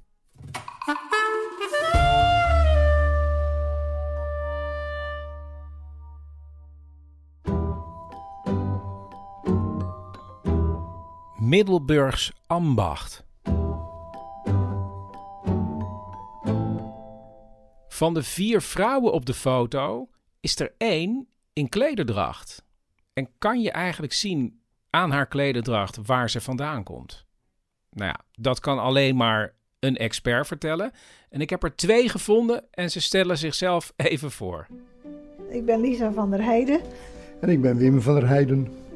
Jarenlang hebben zij zich verdiept in de Zeeuwse klederdracht en er boeken over gepubliceerd. En ik ben naar ze toegegaan en ze wonen in Kleverskerken, een van de kleinste dorpen van Nederland. Het hoort bij de gemeente Middelburg, maar het ligt heel afgelegen. En daarom staat er de prachtige zin op Wikipedia: Het mist elke verbinding met een weg van enig belang. Nou ja, ik ging op bezoek bij Lisa en Wim. Uh, we zitten nu met de foto uh, voor ons op tafel. Ik heb wel geleerd vroeger dat je aan iemands. Ja, ik zou. Ik wou hoofdtooi zeggen, maar dat is natuurlijk een heel fout woord. Maar aan, het, aan de kap van een vrouw kan je zien uit welke streek ze komt, toch? Uit de muts. In Zeeland spreek je nooit van kap, muts. Oh. Daar vlieg ik altijd van overend. Ja? Maar het is niet alleen de muts, het is het hele kostuum. En wat heeft u nou kunnen zien aan deze nou, mevrouw? In één oogopslag zagen wij beide. Het is walgeren. Het is, maar het is een specifiek soort walgerskostuum. Het is namelijk het kostuum wat Middelburgs ambacht genoemd wordt. En waarom? Een, een Walgerse vrouw in streekdracht heeft een klein wit mutsje op het hoofd. Eh, een ondermuts en een bovenmuts. Die bovenmuts lijkt in lekenogen het meest op een ouderwets verpleegsterskapje. En je ziet dat deze vrouw een, een grote bovenmuts heeft, die ook nog een gedeelte om de schouders en op de rug komt. Maar het is een volwassen vrouw. Dat kan je ook goed zien op de foto. Nou, die grote muts is voor kinderen bedoeld, voor meisjes beneden 16 jaar ongeveer, 15, 16. Dan dragen ze zo'n grote muts en op de leeftijd 15, 16 gaan ze dat kleine mutsje dragen. Maar deze vrouw heeft die meisjesmuts op, die kindermuts. En dat betekent dat het kostuum wordt genoemd Middelburgs ambacht. Het gebied ten zuiden van de stad Middelburg, dat heet het Middelburgs ambacht. En meisjes, jonge vrouwen uit dat gebied gingen nogal vaak als dienstmeisje in Middelburg werken. En men vond het in de stad kennelijk leuker, uh, sierlijker, dat ze die kindermuts bleven dragen. Dus dat deden ze dan. Die zetten niet die volwassen muts op, maar die bleven hun kindermuts dragen. Maar wat, voor, wat was dit dan? Dit was iemand die dus. Nou, wij denken dat het eh, mogelijk een dienstmeisje is die in dat café werkte. En dan kan ze even zo vrolijk nog wel uh, lid zijn geweest van die loterijclub. Want ze heeft een soort uh, rozet op, net als andere figuren op de foto. Maar het is vrijwel zeker weten een dienstmeisje. Nou, dat vind ik al heel grappig dat u dat kunt zien. Ja, maar dat zien wij in één seconde. En ze is ook niet bepaald heel zorgvuldig en heel mooi gekleed. Ik vind zelfs nogal tamelijk slordig zoals ze aangekleed is. Dus dat is zeker niet voor de foto. Wat is er slordig dan? Nou, die muts zit heel slordig. Die is gewoon uit haar werk geplukt en op de foto gezet. Kun je ook zien welk geloof ze heeft? Nee, nee op Walcheren niet. Op Zuid-Beveland kan je dat wel zien. Er is verschil in de bovenmuts van de protestanten en de katholieke vrouwen. En ook een beetje in de versiering op de beuk. En nog zo wat details. Dat zie je dus ook direct. Maar op Walcheren zijn er zo weinig katholieken dat dat geen verschil is. Het feit dat deze vrouw, want het is geen meisje, dat kan ik ook wel zien. Dat zij meisjesdracht heeft, dat is dus een, een opdracht echt van haar werkgever. Ja, dat hoeft nou niet direct haar werkgever te zijn, maar je zou kunnen zeggen, het was een beetje gewoonte geworden dat vrouwen, meisjes die in Middelburg werkten, in hun uh, streekdrachtkostuum, dat dan die uh, meisjesmuts bleven dragen. Maar dat deden ze ook niet echt allemaal. Het was ook een soort eigen keuze. Wilde je dat of wilde je dat niet? Het is ook makkelijker op te zetten. Ook, uh, deze muts die lijkt, is veel groter, maar is veel gemakkelijker op te zetten. Een volwassen muts, ja, daar, uh, dat, het uh, heel nauwkeurig. je kunt niet slordig rondlopen. En ja, ik ben ook wel gefascineerd. Hoe bent u er zo mee in aanraking gekomen? Ja. Nou, dat is ook een heel lang verhaal. Ehm, ik ben zelf niet geboren in Zeeland, maar in uh, Krimp bij Rotterdam in de buurt. Ik ben op mijn 25ste in Middelburg komen wonen voor mijn werk. En toen liepen er nog tamelijk veel vrouwen in streekdracht. Ik had het ooit alleen maar eens op plaatjes gezien, maar dan zie je het in werkelijkheid. Ik vond het fascinerend. Dus ik heb me er van begin af aan in geïnteresseerd. Maar toen Wim en ik trouwden, toen kreeg ik de kleren van zijn overleden moeder te zien. En die is altijd in streekdracht gekleed geweest. Van de geboorte tot haar overlijden toe. En jij had het allemaal bewaard, Wim. Dus ik kreeg het in handen. En dat, dat vond ik nog veel fascinerender. En toen ben ik me erin gaan verdiepen. Dus echt op gaan studeren. En uh, nou ja, zo langzamerhand. Ik paste toevallig ook in die uh, kleding. Dus met Wim zijn hulp heb ik het ook aangedaan, aangetrokken. Wat helemaal niet meevalt. Maar ja, dan wil je het ook aan. Dus toen zijn we lid geworden van een streekdrachtvereniging. Gewoon om gelegenheid te hebben. Maar jij had ook de kleren van je vader nog bewaard. En uh, nou ja, dan zijn we dus ook mee gaan doen met optredens en presentaties. Maar dan eh, kom je nog in aanraking met andere kostuums ook in Zeeland. En nou ja, die belangstelling is steeds groter geworden. En toen ben ik dus echt onderzoek gaan doen. En dat heeft geresulteerd in uh, dat we samen met een hele groep mensen drie boeken over de streekdracht hebben doen uitgeven. Dus we zijn er echt over gaan schrijven. Denkt u dat het eigenlijk ook uh, juist iemand is van buiten die dan denkt van... Jawel, want Wim vond het heel gewoon. En, en ja, wel grappig dat ik dat zo interessant vond. Maar voor hem was het gewoon dagelijkse kost.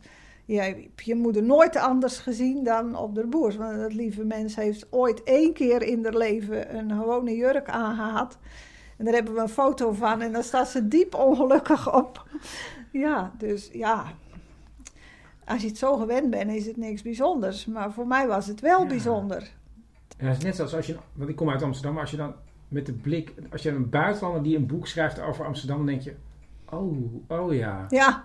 Dat is bijzonder. Ja, ja, dan kijk je maar, anders. Maar paste u ook nog in het kostuum van uw vader eigenlijk? Dat lijkt me een kleiner mannetje. Uh, jawel, uh, die was uh, wat korter. Dus de broek die ehm, staat wat op hoog water. Maar het, dat is niet zo erg. de boerenbroeken die waren altijd kort. Als je door het land moet lopen, dan, dan moet je niet al te lange broek hebben. Want dan wordt die steeds vies en broeken kun je niet wassen. Als Lisa er een boek bij pakt met daarin een foto waarop de moeder, oma en overgrootoma van Wim staan, dan blijkt dat de kostuums veel minder strenge regels hadden dan ik dacht. Iedere generatie veranderde wat aan het kostuum. Je kan zien dat de jonge vrouw in het midden uh, moderner gekleed is. Het haar zit hoger boven het voorhoofd, de beuk valt lager, de krullen zitten hoger. Dat is modern. Maar toch bestaan de kostuums bij zowel de vrouwen als de mannen uit, ja, vaste onderdelen. Lisa en Wim noemen ze even op. Een hemd, een borstrok. Een zwarte broek met uh, klepstukken en broekstukken van zilver, van mooi. Een beuk, een doek. Over je hemd droeg je een uh, boezeroen. Een jak. Alleen al op het bovenlijf. Uh, keelknopen, gouden keelknopen. En dan onderlijf één of twee of drie onderrokken. Daaroverheen, voor mooi, een uh, vest. Een bovenrok en een schort. En daaroverheen, je, je noemt het een rok. Kousen, ondermuts, bovenmuts. Dat is nogal wat. Maar die waren allemaal precies hetzelfde. In, in uh, Walcheren, Zuid-Beveland Zelfs één, uh, Zuid-Beveland ook hetzelfde, alleen één knoop verschil. Een, een zak onder je bovenrok zit een soort uh, opbergzak, die heb je ook nog. En wat zit er dan in? Je portemonnee, je huissleutel, je rolletje pepermunt, alles. Want een handtasje hadden ze vrijwel nooit bij zich. En verder had je een hoofddeksel op. Dat kon bij de oudere mannen een petje wezen. Uh, de jongere mannen, zoals mijn vader, die droeg, droeg nooit een pet die droeg een hoed. Die had dan een soort bolhoed. Maar wat veranderde er dan in de jaren? Nou, heel langzaam veranderde uh, allereerst de kleur. Tot in zeg maar 1850, 1875 eh, was de kleding veelkleurig. Maar eh, toen kwamen de synthetische verfstoffen. En dan kon je ook zwart goedkoop maken. En zwart was chic. Dus men wilde ook chic. Hè, de, eh, de staalmeesters zijn ook in het zwart. En hoe sterk de traditie ook was, uiteindelijk is de klederdracht uit het straatbeeld verdwenen. Te beginnen bij de mannen. Kijk, boeren die gingen op de duur en overal dragen.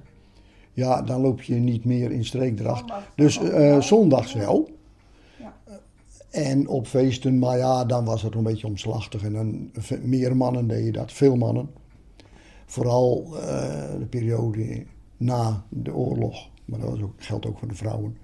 Na uh, 40, toen veel mensen hier van Walcheren geëvacueerd werden. Dan kwam je ergens anders terecht en was dat materiaal niet te krijgen. Dan gingen de mensen ook veelal in dracht. Uh, uit de dracht. In, ja, ook omdat je in een burgers. andere omgeving zat natuurlijk. Dat je, dat je, je wilde niet weer heel erg opvallen. misschien. Nee, en men ging ook meer reizen. En dat ook, eh, speelde ook mee. veranderde.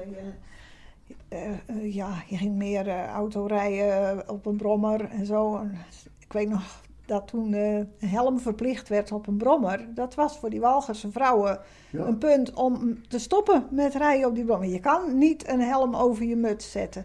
Want wij kennen een vrouw die, die had een rijbewijs en die, die reed zelf auto. Maar toen het verplicht werd om eh, hoofdsteunen in de auto te hebben, zei ze: Ja, maar ik moet geen auto met een hoofdsteun. Die wil ik niet. Want dan kon ze niet goed zitten met die muts, want die steekt nogal uit naar achteren. En daar mag natuurlijk niks en niemand aankomen, want dan kreukt die. Dus dat ging niet. Dus zeg maar zeggen, het feit dat mensen een, een helm op een brommer moesten hebben, dat Nou heeft ja, al een of, beetje uit of het je ging gedreven. niet meer op de brommer, of je stapte uit je boerenkostuum en je ging op burgerkleding over. Want dat stelt zulke eisen, die kleding. Ja, het is het een of het ander. Ja, Want het, ehm, in de loop van de jaren is die dracht ook helemaal verstart. hè. toen dus steeds minder mensen gingen eh, is niet uit de meer dracht gingen. Het was, ja. Nee, dus het, het is een soort eh, ja, uniform geworden, harnas, van het moet zo. En vroeger was het veel meer, had je toch veel meer vrijheid. Eh, maar doordat er zo weinig overblijven, eh, men kijkt naar, keek naar elkaar en het moest zo. En eh, daarom is ook teloor gegaan, want het is niet meer draagbaar. In heel Zeeland zijn alleen op Walcheren nog een handjevol vrouwen in klederdracht. En in Middelburg is er nog maar één, een mevrouw van 100.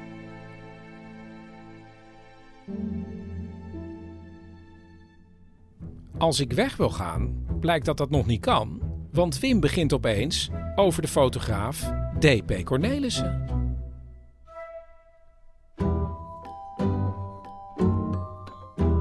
De onnauwkeurige fotograaf.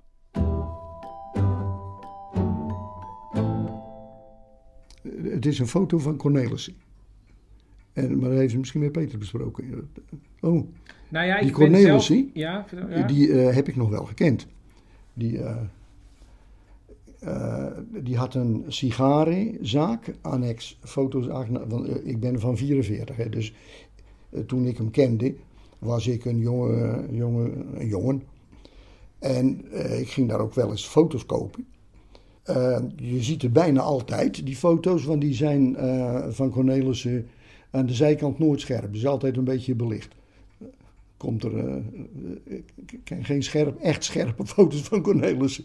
Het, nee, het was, er waren wel andere fotografen die, die eh nauwkeurig fotografeerden. Dus als ik, niet, als, als ik niet had gezegd dat hij van Cornelissen was, dan had Nou, u kijk, kunnen dit zien. Dit is, is, weer vind ons. ik, ja, dat zegt Cornelissen. Maar vertelt u even iets over die. Want waar, ah, ik wil weten, waarom wilde u foto's kopen en waarom ging u daarheen?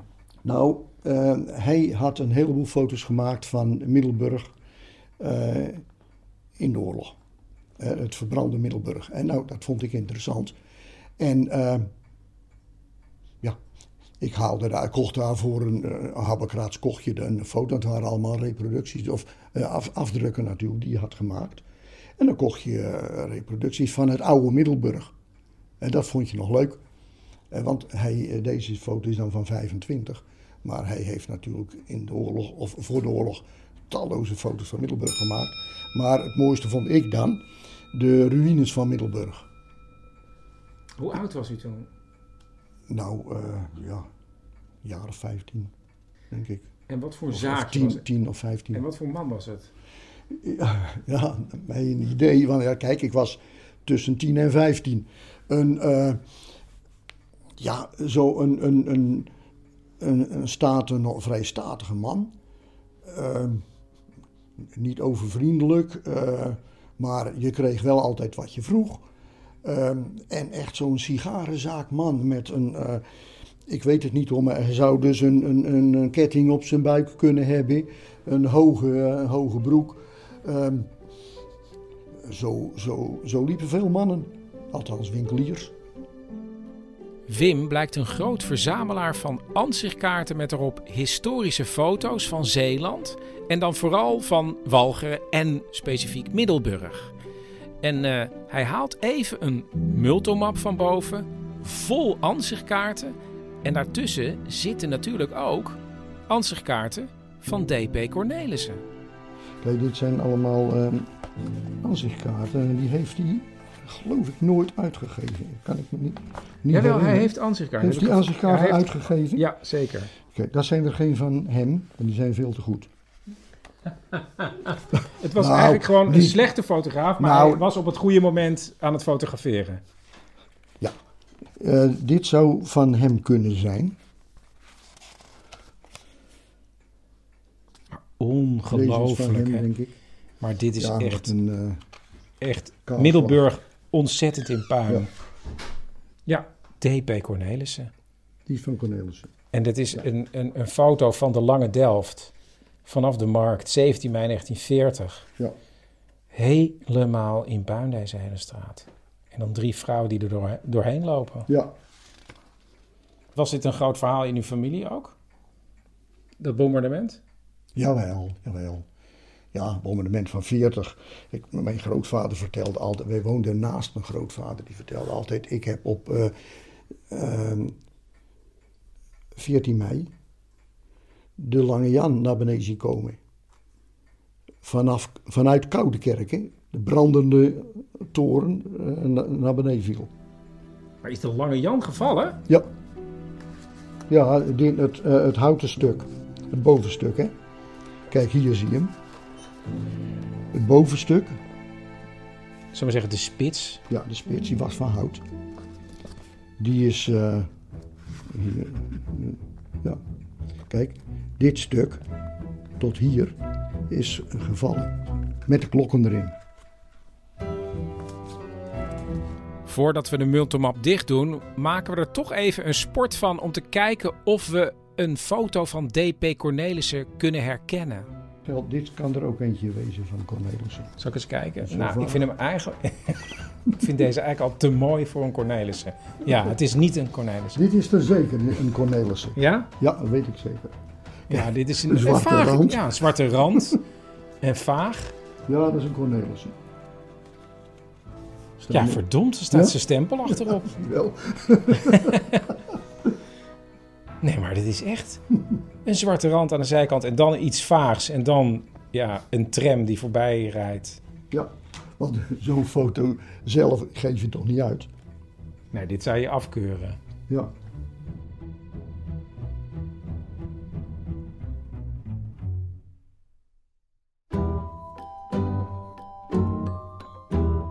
Het luciferdoosje. Mijn zoon Teun is veel jonger dan ik en heeft veel betere ogen. Dus die kan af en toe naar die foto kijken zonder een bril. En, eh, oh nee, hij heeft gewoon lenzen. Maar ja, hij kan wel beter kijken. Eh, en hij zei op een gegeven moment: hey, ik zie op die tafel tussen het bier een luciferdoosje. Met een molen erop. Goedenavond, Arne Meijer. Hey Arno Meijer, je spreekt met Chris Baayema. Hallo. Hallo. Naar aanleiding van dat luciferdoosje dacht ik, ja, ik moet op zoek naar een expert. En toen vond ik een site van de stichting Studie- en Documentatiegroep Lucifers Etiketten. En Arno Meijer is daar de secretaris, maar wat is het voor stichting? We hebben als doelstelling eigenlijk om uh, de geschiedenis eigenlijk van de Nederlandse en in mindere mate de Belgische lucifersindustrie uh, in kaart te brengen. En zoveel mogelijk te documenteren wat er in Nederland ooit op de markt is gekomen. Nou, Arno lijkt mij dus de ideale persoon om iets te zeggen over het luciferdoosje met de molen erop. Maar het verzamelen van lucifers-etiketten, dat verdient enige uitleg. Arno hobby die populair was eigenlijk in de jaren 60, met name van de vorige eeuw. Nu is het uh, toch uh, een marginale hobby, mag ik zeggen, met, met alle respect eigenlijk. Maar ja, ik ben er als een relatief jonge persoon ingerold door mijn vader, die ook veel verzamelde. en die het vuurtje eigenlijk heeft doorgegeven, zo gezegd. Ja, hoe oud ben jij?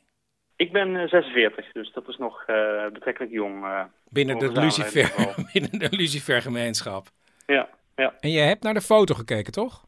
Ja, inderdaad. Ik, ik, heb het, ik heb de foto even bekeken. En denk, ik uh, moest hem even vanaf een schermpje kijken. Dus ik kon niet goed inzoomen. Maar ik zag wel inderdaad de beeldnis van, uh, van, het, van uh, eigenlijk. Hè. En, en, het molenbeeldmerk was een van de belangrijkste merken die de Nederlandse lucifersindustrie hebben, hebben gelopen. En het is uitgegeven voor het eerst in 1910. En die hebben dat merk jarenlang gevoerd. Eigenlijk tot het einde van de Nederlandse lucifersindustrie. En dat was in 19 80. Ja, en werden de molenlucifers in 1925 uh, heel goed verkocht? Ik denk dat het rond 1925 inderdaad wel het, het meest verkochte merk was. Naast Zwaluw, uh, wel bekend. Ja, en was het zo dat, dat die molen dan iets meer Nederlands had of zoiets? Dat denk ik wel, ja. En werd dat ook dan met, met slogans aan de man gebracht? Ja, wat je toen had is dat, eh, dat er heel veel met uh, steunt de Nederlandse nijverheid werd, uh, werd, uh, werd geadverteerd. Hè? Maar een, een leuke, die had een aantal slogans, echt uit die begintijd. Dat, dat bijvoorbeeld iedereen loopt met molentjes, is er eentje. Of, en zolang de molen draait geen nood, was een andere slogan die werd gebruikt. Dat is echt, we hebben het dan over 1910, 1915 ongeveer die periode. Dus... Dus die, uh, dat, dat, dat waren de slogans die werden gebruikt om dat product aan de man, eh, te, of aan de man en vrouw te brengen, beter gezegd. Ja, nu, nu, nu zag ik dat de luciferindustrie eind 19e eeuw in Nederland begonnen is in Eindhoven, waar ook deze molenlucifers vandaan komen. Maar is dat niet een hele gevaarlijke eh, business? Niet in de tijd waarover we nu spreken, maar in de 19e eeuw was dat natuurlijk wel een behoorlijk gevaarlijke industrie. Er brak nog wel zoiets brand uit en daar ging al ooit in vlammen op. Uh, dus dat, dat was wat meer risicovol. Denk ik in de 20e eeuw, dus ook uh, vanaf 1910, dat, dat, dat de veiligheid op zich al wel redelijk op orde was. Dus, staan. dus eigenlijk zijn er in de, in de 20e eeuw geen noemenswaardige grote incidenten meer geweest uh, met, met, met brand of met andere grootschalige rampen die hebben, hebben voorgedaan. Ja. En waarom was dit zo'n goede plek om een lucifersfabriek te beginnen? Eindhoven was interessante plek, omdat daar uh, relatief veel hout voorhanden was. En andere factor is dat arbeid relatief uh, overvloedig was mm -hmm. en relatief goedkoop was. Ja, en ik, ik uh, zag dat we uiteindelijk zijn opgeslokt door de Zweden. Maar even over de lucifer zelfs. Wat, wat is het verschil met die Nederlandse lucifer en de zwaluw-lucifer? het zat er met name eigenlijk in de kwaliteit van het type hout eigenlijk. We zeggen, Nederland was met name gericht op populierhout. Dat heeft voor het groeit hard natuurlijk. Het, het, is, is, flexibel, maar het breekt ook net iets sneller dan de houtsoort die, eh, die in Zweden met name wordt gebruikt. Daar hebben ze geen, geen populier, maar gebruiken ze aspenhout. En die is, die is ook goed brandgoed, is ook flexibel, maar breekt net iets minder snel eigenlijk. Dus dat werd eigenlijk van oudsher ook gezien als Zweedse fabrikaat, als Zweedse kwaliteit, die net nog beter was. En uiteindelijk is de industrie verdwenen en bestaat die niet meer in Nederland. Maar even tot slot, hoe belangrijk was de lucifer-industrie ooit? In Eindhoven was de industrie uh, met name eind 19e eeuw de grootste industrie tot bijna de grootste industrie. En de naam was ook, hè, dus Eindhoven is bekend om de lichtstad, hè, als lichtstad. En de gedachte is altijd dat dat kwam omdat Philips daar ooit is ontstaan, hè, met, met, met de gloeilampen. maar de lichtstad de bananen komt met name eigenlijk vanuit de lucifersindustrie nog. Hè, omdat die licht bracht uh, eind 19e eeuw al. Dus die associatie met, met lichtstad is door de lucifersindustrie, niet zozeer door, uh, door Philips. Nou ja, kijk, dit is voor mij al genoeg redenen om blij te zijn dat mijn zoon Teun uh, het luciferdoos heeft ontdekt. Ja. Dank je wel. En ik zag dat jullie nog een voorzitter zoeken, toch? Uh, je zoekt nog een voorzitter. Ja, al trouwens een tijdje, maar, uh, maar goed. Mocht je iemand kennen, laat het weten. Als je iets met Lucifers etiketten hebt of zou willen hebben, dan is het... Dat, dan dat je dat enige affiniteit met de hobby hebt. Uh, okay. Dat denk ik belangrijke randvoorwaarden. En ja, verder zijn de eisen niet zo heel hoog. Oké, nou, ik, wie weet komt er nog een voorzitter via mij Ja, wie weet. Oké, heel nou, erg bedankt. Ja, graag gedaan. Dank en een fijne avond. Ja, jij ook, doeg. Hoi. Doei, doei.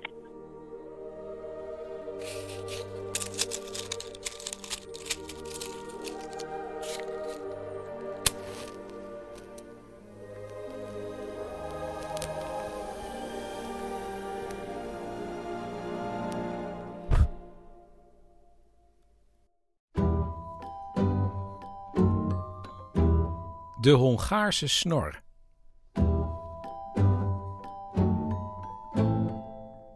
Op mijn pagina van petje.af, en je kunt lid worden hè, van uh, een grote bruine envelop en man met de microfoon, door je aan te melden bij petje.af slash man met de microfoon. Um, maar op die pagina van mijn leden stond de foto en Sanne had daarbij gezet, hij had heel veel dingen opgenoemd, maar onder andere de snor is uit, maar daar trekt de meneer rechtsvoor zich niks van aan. Had de snor nog een bepaald statussymbool destijds? En het is wel opvallend, want er staan 16 mannen op de foto en maar één man met een snor. Kortom, ik heb me verdiept in de geschiedenis van de snor en ook allereerst in de snorstijlen. Want er zijn natuurlijk verschillende snorren, zoals de Engelse snor, die is smal, beginnend midden op de bovenlip en dan lange snorharen met zo'n uh, krulletje naar boven. Hercule Poirot heeft zo'n snor. Maar je hebt ook bijvoorbeeld de Van Manchu snor. Dat is maar zeggen, ja, de bijna eh, afgezaagde Chinese snor die zo heel lang naar beneden loopt. Um, de chevron, ook wel uh, de pornosnor genoemd. Uh, Tom Selleck, Magnum, droeg hem onder andere. Je had de potloodsnor, een soort streepje op de bovenlip. De tandenborstel van uh, Adolf Hitler en Charlie Chaplin. En bijvoorbeeld ook de walrus. Uh, die had Albert Einstein. Maar de meneer op mijn foto, en ik pak er hem even bij. hij zit dus rechts vooraan, een wat oudere man. En hij heeft een harige, grote snor met punten naar de zijkant. En dat is een zogenaamde Hongaarse snor het feit dat hij als enige een snor heeft, ja, betekent dat de snor aan zich niet heel populair was. En de snor heeft in de loop van de geschiedenis ja ook een soort golfbeweging meegemaakt qua populariteit.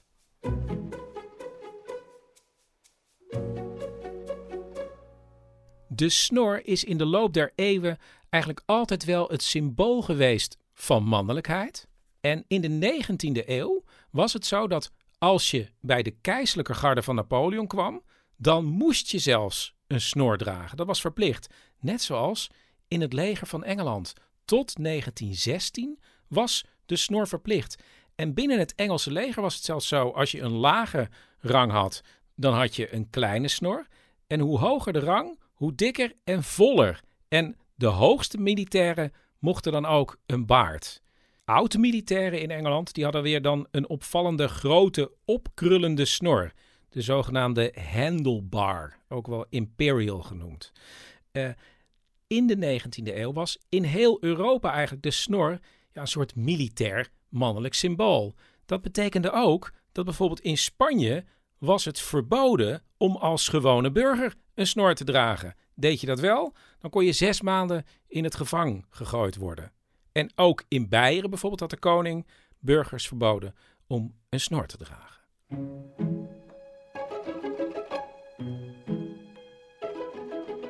En dan wil ik jullie nu meenemen in de geschiedenis van de Hongaarse snor. Oké, stel je voor, Hongarije in de 19e eeuw. In die eeuw is er een soort Hongaars nationalisme ontwaakt. Uh, in de jaren daarvoor, in de jaren daarvoor, in de eeuwen daarvoor, waren ze eerst deel van het Ottomaanse Rijk en daarna van uh, het Habsburgse Rijk. Um, maar onder de Hongaren ontstond een soort verzet. En ik heb een schitterend boek gelezen. Dat, uh, dat heet Everyday Nationalism in Hungary 1789-1867 kan je vertalen als een soort alledaags nationalisme in Hongarije in de periode 1789, belangrijk in heel Europa, de Franse Revolutie, tot 1867, het begin van de dubbelmonarchie Oostenrijk-Hongarije. Er ontwaakt dus een Hongaarse nationale identiteit onder de gewone mensen. Zij voelden zich Hongaars en daarom hechten ze er belang aan om bijvoorbeeld Hongaars te spreken, uh, zich op een bepaalde manier te kleden, Hongaarse wijn te drinken. En, ook heel belangrijk, mannen droegen een Hongaarse snor. Want ja, de snor was in uh, het militaire leven in Hongarije uh, nog eigenlijk belangrijker dan in de rest van Europa. En de snor had ook buiten het leger zijn intrede gedaan. En dat was eigenlijk vooral om zich af te zetten tegen het Oostenrijkse gedeelte van het Habsburgse Rijk. De Oostenrijkse Duitsers. Want die hadden allemaal gladgeschoren gezichten. En er is bijvoorbeeld een verhaal van een toneelstuk met een decor. En in dat decor is een maan, waarschijnlijk met een gezicht. En die is kaal. En daar heeft op een gegeven moment iemand een hele grote snor opgetekend. En toen werd het Hongaarse publiek helemaal gek. Natuurlijk vooral omdat ze zich daarmee verzetten tegen de Oostenrijkse Duitsers. Het is zelfs zo dat op een gegeven moment alle Hongaarse mannen een snor droegen. En als je er geen één droeg, dan werd je toch min of meer gezien als een overloper. En in de loop van de 19e eeuw ontstonden er ook allemaal uitdrukkingen, zoals een Hongaar zonder snor is als een vogel zonder nest, of als een koning zonder land, of, en dat vind ik eigenlijk het leukste, als de paus zonder Bijbel. Je zult dan ook begrijpen dat de Hongaarse pers onmiddellijk dook op het verhaal van de Hongaar met snor, die solliciteerde als ober bij een bekend Oostenrijks restaurant en geweigerd werd vanwege zijn smerige gezichtsbeharing. Grote stukken in de krant. En dan is er ook nog het verhaal van de militair die zat bij de cavalerie, had een hele grote snor, maar die was in brand gevlogen en toen heeft hij gebruik gemaakt van, toen al, haarextensies.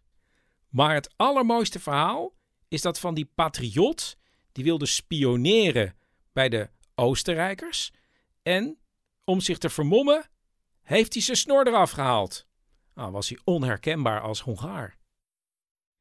In de loop van de 19e eeuw um, verzoenden de mensen van het Habsburgse Rijk zich uiteindelijk met de snor. Dus maar zeggen, de Oostenrijkse tak. Bijvoorbeeld keizer Frans Jozef, die droeg een hele grote volle snor. Dus uiteindelijk verloor de snor zijn subversieve kracht. En dat eindigde min of meer definitief in 1867, toen Oostenrijk en Hongarije gelijkwaardig verder gingen in de dubbelmonarchie. Oostenrijk, Hongarije. En dan zitten we tot slot met de man op de foto met de Hongaarse snor. Want hoe zat het in 1925 met de populariteit van de snor? Eigenlijk kan je zeggen, in de 19e eeuw was de snor heel mannelijk, want alle militairen droegen ook een snor. Maar zoals ik al zei, in 1916 uh, zijn de Engelsen gestopt met het verplicht dragen van de snor in het leger. En dat kwam ook doordat een snor of een baard heel onhandig was in combinatie met een gasmasker in de Eerste Wereldoorlog. Dus vrijwel alle soldaten waren gladgeschoren en dus was de snor minder populair.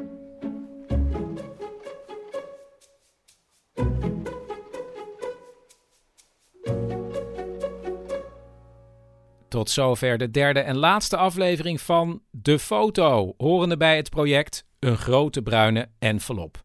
En ik kom over een tijdje met twee nieuwe avonturen naar aanleiding van twee andere enveloppen die ik ga kiezen. Dus daar kan je op wachten. En ondertussen ben ik ook weer bezig met het maken van een nieuwe mini-romcom. Dus die krijg je binnenkort te horen. Ik zou zeggen, tot snel.